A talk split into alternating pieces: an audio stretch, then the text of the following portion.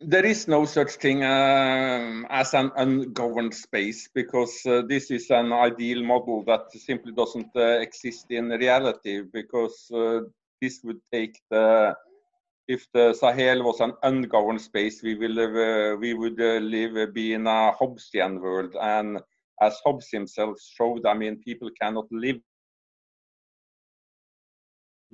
and exist for a long time with repeated interaction in a Hobbesian world. I mean, it's simply not possible. And if you look at the Sahel, I mean, it's certainly not that kind of world. I mean, this is a world of long distance trade.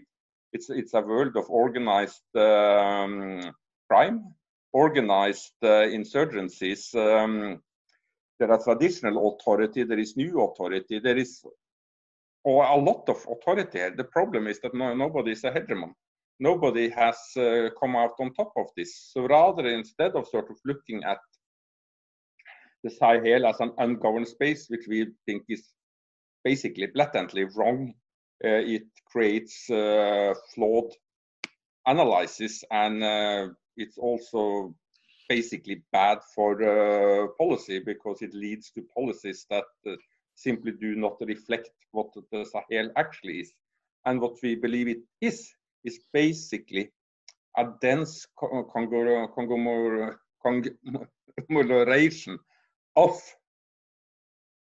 attempts to rule this area. So instead of sort of looking at the absence of something, we need to look at the density of various attempts to govern specific spaces but also to the, the to govern specific routes and to if not control territory per se to gain a grip on various segments of the population. And i'm certain that uh, francesco would like to add to this.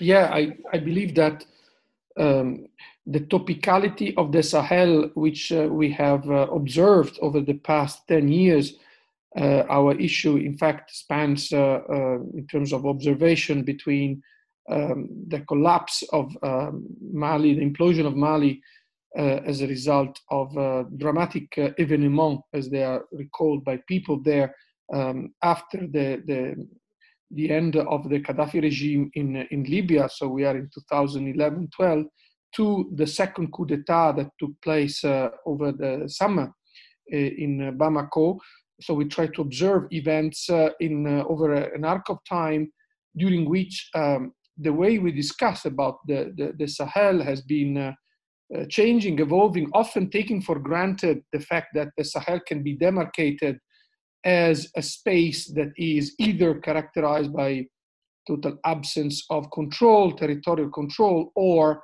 um, let's say, uh, punctuated just by uh, uh, violence, uh, which has been increasing. We're talking about uh, an increase of some 40% every year in terms of progression of armed um, conflicts.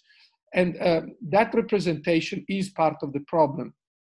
It's part of the problem because, as Morten was saying, uh, we need to understand the way in which political order is produced, uh, the way in which uh, the Sahel is a social space, which is certainly um, uh, certainly uh, uh, existing in an area of rarefied uh, uh, uh, dwellings and settlement, human settlement, but under conditions that are changing quite rapidly due to technological ad- advances.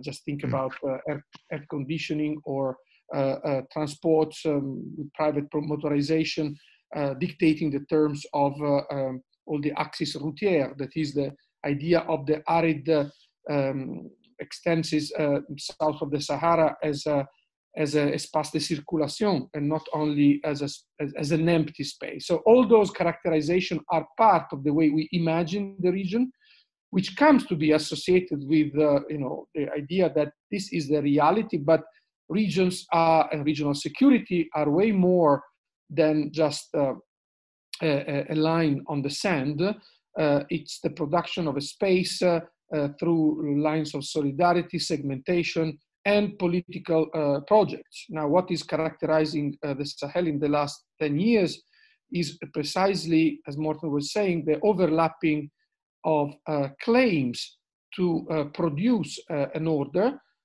also as, a, as an answer or as, as an attempt to produce a response to challenges that have been emerging, the most radical of which is uh, probably the rise of jihadism in different forms and shapes uh, that uh, is uh, very uh, able to uh, adopt and sponsor existing grievances to advance its own political agenda.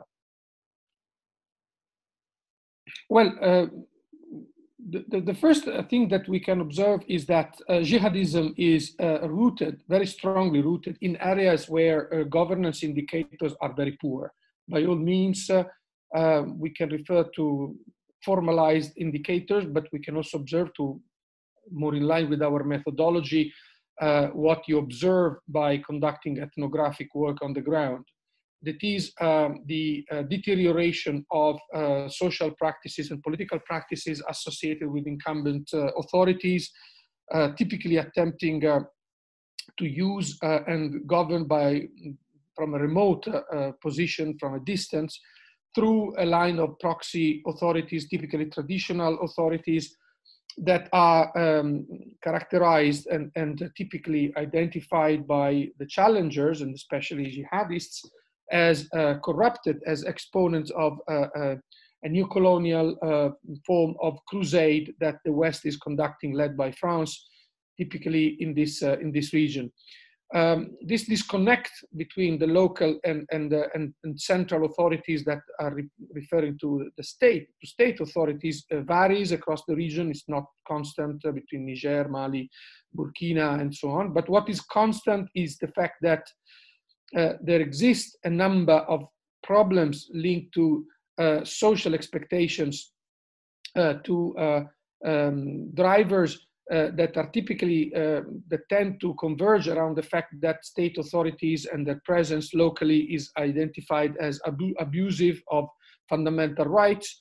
Uh, um, and uh, and that is a, common aspect. Uh, if you go through interviews with jihadi um, former combatants, uh, most of them won't cite um, religious indoctrination as the first driver, as the trigger for going to the bush for la brousse, as they call it, uh, but rather a response, a collective response, typically of certain villages to uh, uh, the intensification of violence. Now, all of that is goes through a window of opportunity that has been uh, uh, created by uh, changing ideational and material condition, the availability of a jihadist populist discourse that espouses the, the cause of typically of those who have much to gain in, uh, in joining them uh, um, in terms of uh, breaking, for example, uh, so societal segmentation between different groups, uh, the, the, the, the, existence of forms of racism locally, uh, um, the existence of form of repression and exploitation on the part of elites. And they typically try to find the vectors of propagation through, for example, sponsoring um, uh, notables and, and uh, uh, traders that have an interest in Uh, destabilizing the existing uh, authorities in a given area.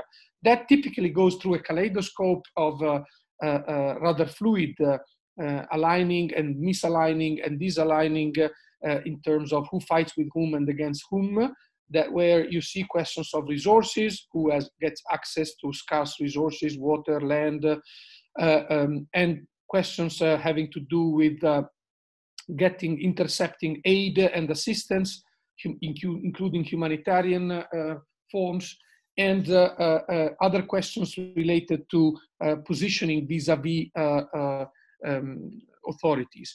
Uh, what is interesting in the way uh, things uh, have been progressing is the fact that um, the big galaxy of jihadism globally uh, has been uh, uh, present in, in forms that have been evolving. Um, we try to, tra to, to, to, trace a bit that story in, in, in the issue. Um, for example, the type of political violence does not uh, at least initially conform with what we observe in other areas of, of, of the world that are permeated by jihadist uh, violence, like, like in the Middle East, in the Levant.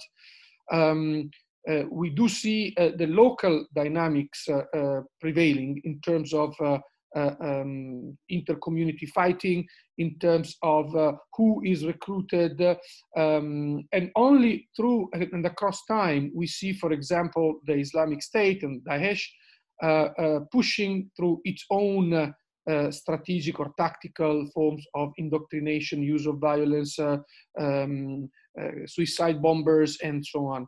Uh, that is not something that we see at the beginning of the decade. And overall, in overall terms, uh, we can still say that in spite of the way in which Daesh, we talk about the end of an exception for the Sahel, um, Daesh and Al Qaeda or its own uh, local affiliates, which are to be distinguished because when we talk about Al Qaeda linked, uh, uh, we're really talking about a, galaxy as well with a lot of variety inside. But uh, still, there is a, an Al Qaeda uh, umbrella organization that is NIM in, in Mali, very strong. And we can see and we can observe how it has been endowing itself with a long term tra- trajectory. Um, uh, that has been able to co-opt a number of local issues. The very fact that it has been constituted as an umbrella of organization is, a, is an important element in uh, uh, being able to become a credible interlocutor, even in terms of negotiations with the, with the incumbent authorities. Uh, the same cannot be say, of, said, of course, for the, for the Islamic State that tries to find its space uh, by uh, attacking Al Qaeda as too much prone to compromise. Morten. Yes, thanks, um, Francesco. If I may just add on a little bit, uh, and it sort of relates to uh, more or less to where uh, Francesco ended, and that is these groups. If you look at them over time, from uh, when they first arrived in this area, I mean, because I mean the, jihadi movement here is in many ways sort of it started with some sort of export from the from the leftovers of the Algerian civil war.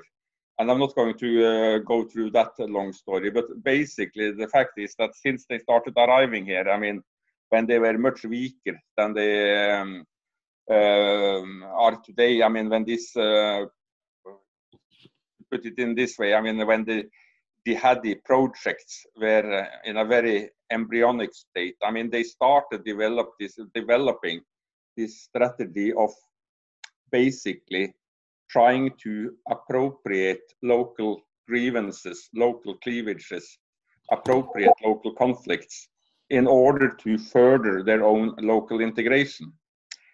And how were they able to do this? Well, I mean, it was not necessarily due to their uh, how smart they were and how strong they were, but rather uh, that they could piggyback on extremely weak, bad, and corrupted governance by the state. So I mean, you don't you, you don't need to be to treat people very good to be very systematic in how you try to if not govern at least get a grip on population if your opponent is basically seen as dysfunctional illegitimate and basically seen as totally corrupted.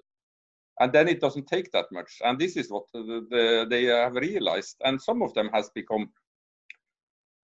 more smarter than others in how they do this. I mean, sort of the maybe the the the group that has taken this the furthest is the is this group uh, which basically goes under the name Katiba Masina, which is a group that operates around this uh, local uh, Fulani preacher called Hamadou Kufa in, uh, in central Mali.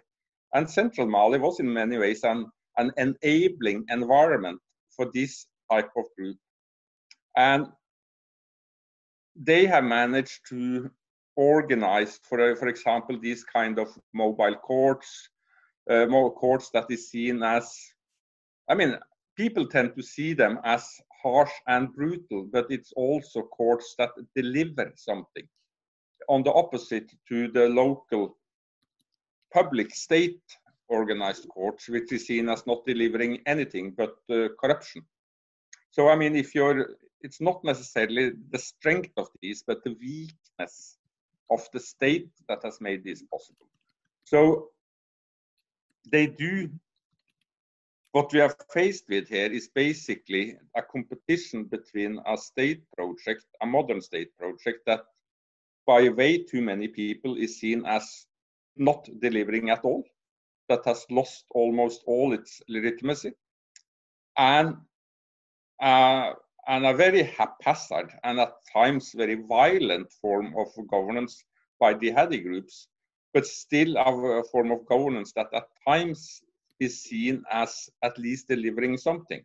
And this was also, I mean, um, together with the two uh, colleagues, uh, one from Senegal, Abdul Wahab Cissé, and one from uh, from Nigeria, I mean, uh, Laouali uh, Mahamane. Uh, we have this article in this special issue about the, the situation in Tillaberi.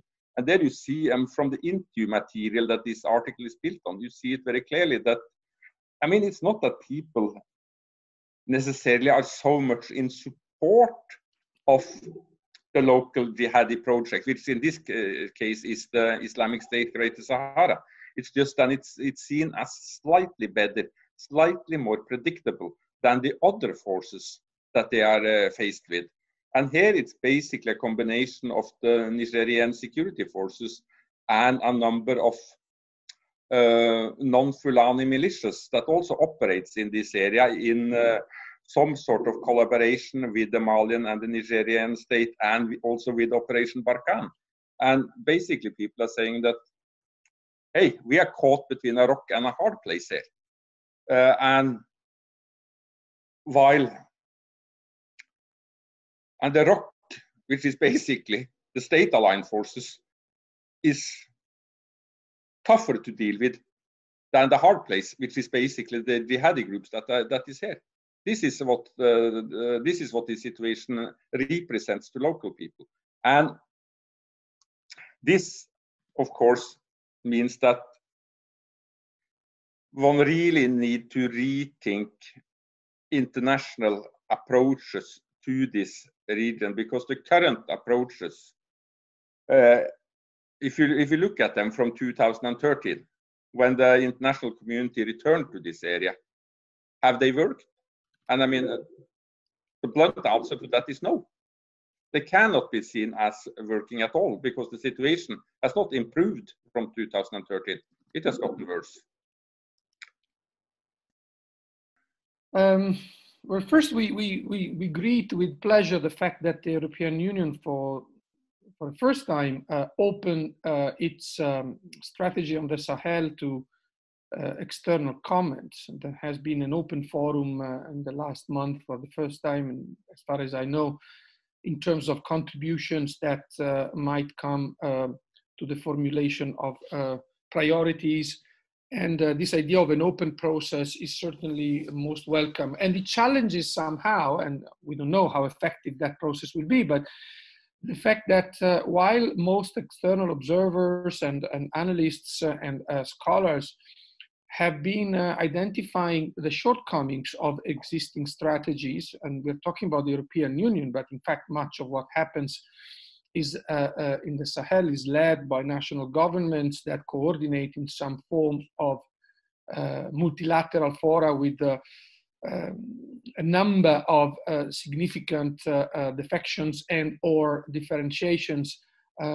we really talk about a hybrid space also because the dynamics of intervention are far from uh, convergent. Uh, in the Sahel, just to mention one, we see the different lines that are ideologically driven uh, that guide uh, the intervention of, for example, uh, Gulf states uh, vis-a-vis Turkey and to, to some extent Qatar that propels Turkey's in, in interests uh, we see China going a certain way. We see Russia with its own distinct uh, agenda. We see the US uh, very much concerned with counterterrorism, but uh, over the past few years having a rather fuzzy and, uh, in, uh, and elusive strategy.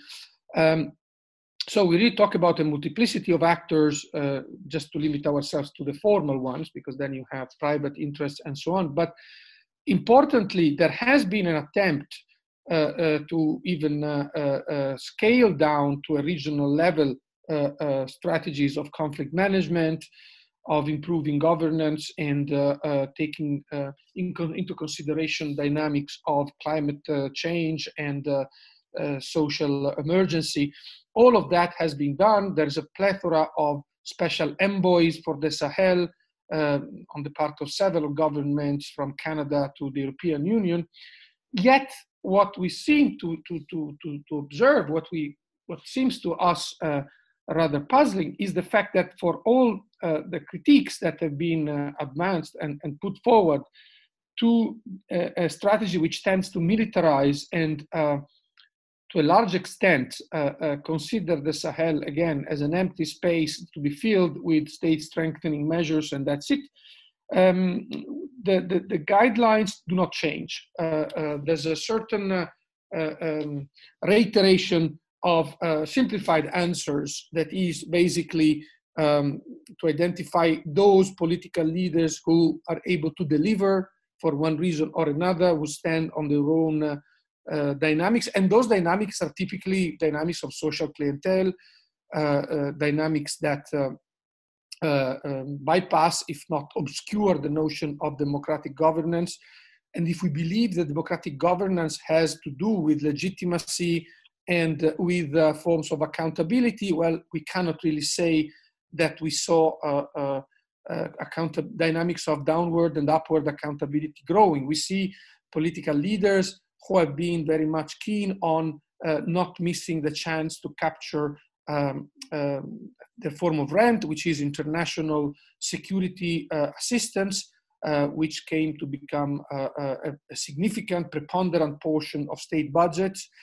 And we see states that remain pretty weak uh, and unstable. The, the coup d'etat in, in Mali is just one example, but uh, also the elections that are upcoming in the other states in, in the central Sahel raise a number of questions. Not to mention, and I'd like to conclude on a, on a note, what happens in uh, states that are pretty much on the fringes of the area. We observe, the state Chad, for, for instance, which uh, is has been for a long time praised for being militarily extremely effective, uh, but which ranks uh, uh, at the bottom of any indicator of democrat- democratic governance. Uh, and, and, so if that is the indication that comes out of a decade that is uh, that military effectiveness is the way to, to run the region, uh, well, there are a number of problems given the fact that we are talking by all means of one of, if not the poorest region in the world in terms of all indicators that we can uh, try to look at. If I may, uh, thanks, Francesco. I mean, if I may add just a few um, a few uh, thoughts on uh, on this matter is that if you look at what has happened here, it's basically since 2013 an enormous amount of programs and projects has been rolled out in a, a, an environment that basically consists of some of the weakest and most fragile states in the world. What does this mean? It means that the recipient administrative capacity here is extremely low. And yet, donors, if we call them that, the European Union, the US, Norway, Italy, and so on and so forth, still seems to insist on this idea that what works elsewhere in the world where they are giving donor assistance will also work here. They, they seem unable to acknowledge in their programming and in their policies that that you need to have an other way of assisting these states. I mean, I believe that the states like Mali, Niger, and Burkina, they do need external assistance. I mean, the, the sheer challenges that they are faced with, and here I'm not only talking about the jihadi rebels, but I mean the livelihood challenges, the challenge of um, um, of making these states more uh, resilient to the um, uh, to the climate change effects that are already starting to appear and will become much more visible in the next sort of 10 uh, 20 years uh, how to deal with enormous um, high population growth. I mean, all of these things. I mean, it's huge, huge challenges that there is really no way that these states in their present configuration really can deal with on their own. So they need external assistance in my point of view. But they need another external assistance that really acknowledges this fragility dilemma. And the fragility dilemma basically comes in two configurations. One is that the country, the countries today that most urgently needs international assistance, be it military assistance, which I also think is needed here, because I mean, you, one needs to also have a military approach to the jihadi rebels. It just needs to be an other one and a much better one than the, than the one that is today. And it needs to come together with a political project of how to engage these groups. Because yes, I mean there is um, hardcore leadership here, which is probably both ideological and theologically uh, quite convinced of their own jihadi project. Most of the, the, the people who fight for them, I mean, understands very little of the theology behind this project, and there are other reasons that has pushed them into this. So you need to have a combination of a military approach and an idea about how you can negotiate a solution to at least parts of this. That is completely missing right now.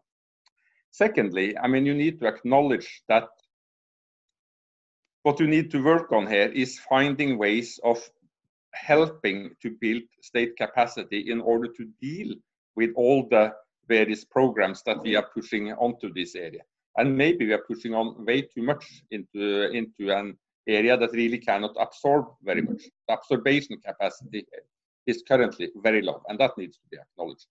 Secondly, and I'll end with this, one needs to acknowledge that looking at the Sahel and the relationship between the EU and the Sahel at face value, you would think that these states are so weak, these regimes so desperately need assistance, so that uh, the EU can more or less call the shots here and basically order these regimes to do whatever we would like them to do because they need our money, basically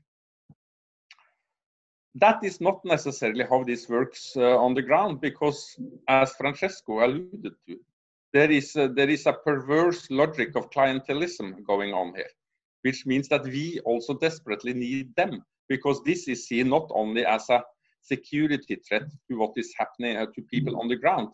We tend to see this also as a security threat to international security to european security to global security. So we need clients on the ground there. Uh, and as long as these clients at least deliver something that we think is useful. They can buy uh, more or less do as they like as long as they stay in power.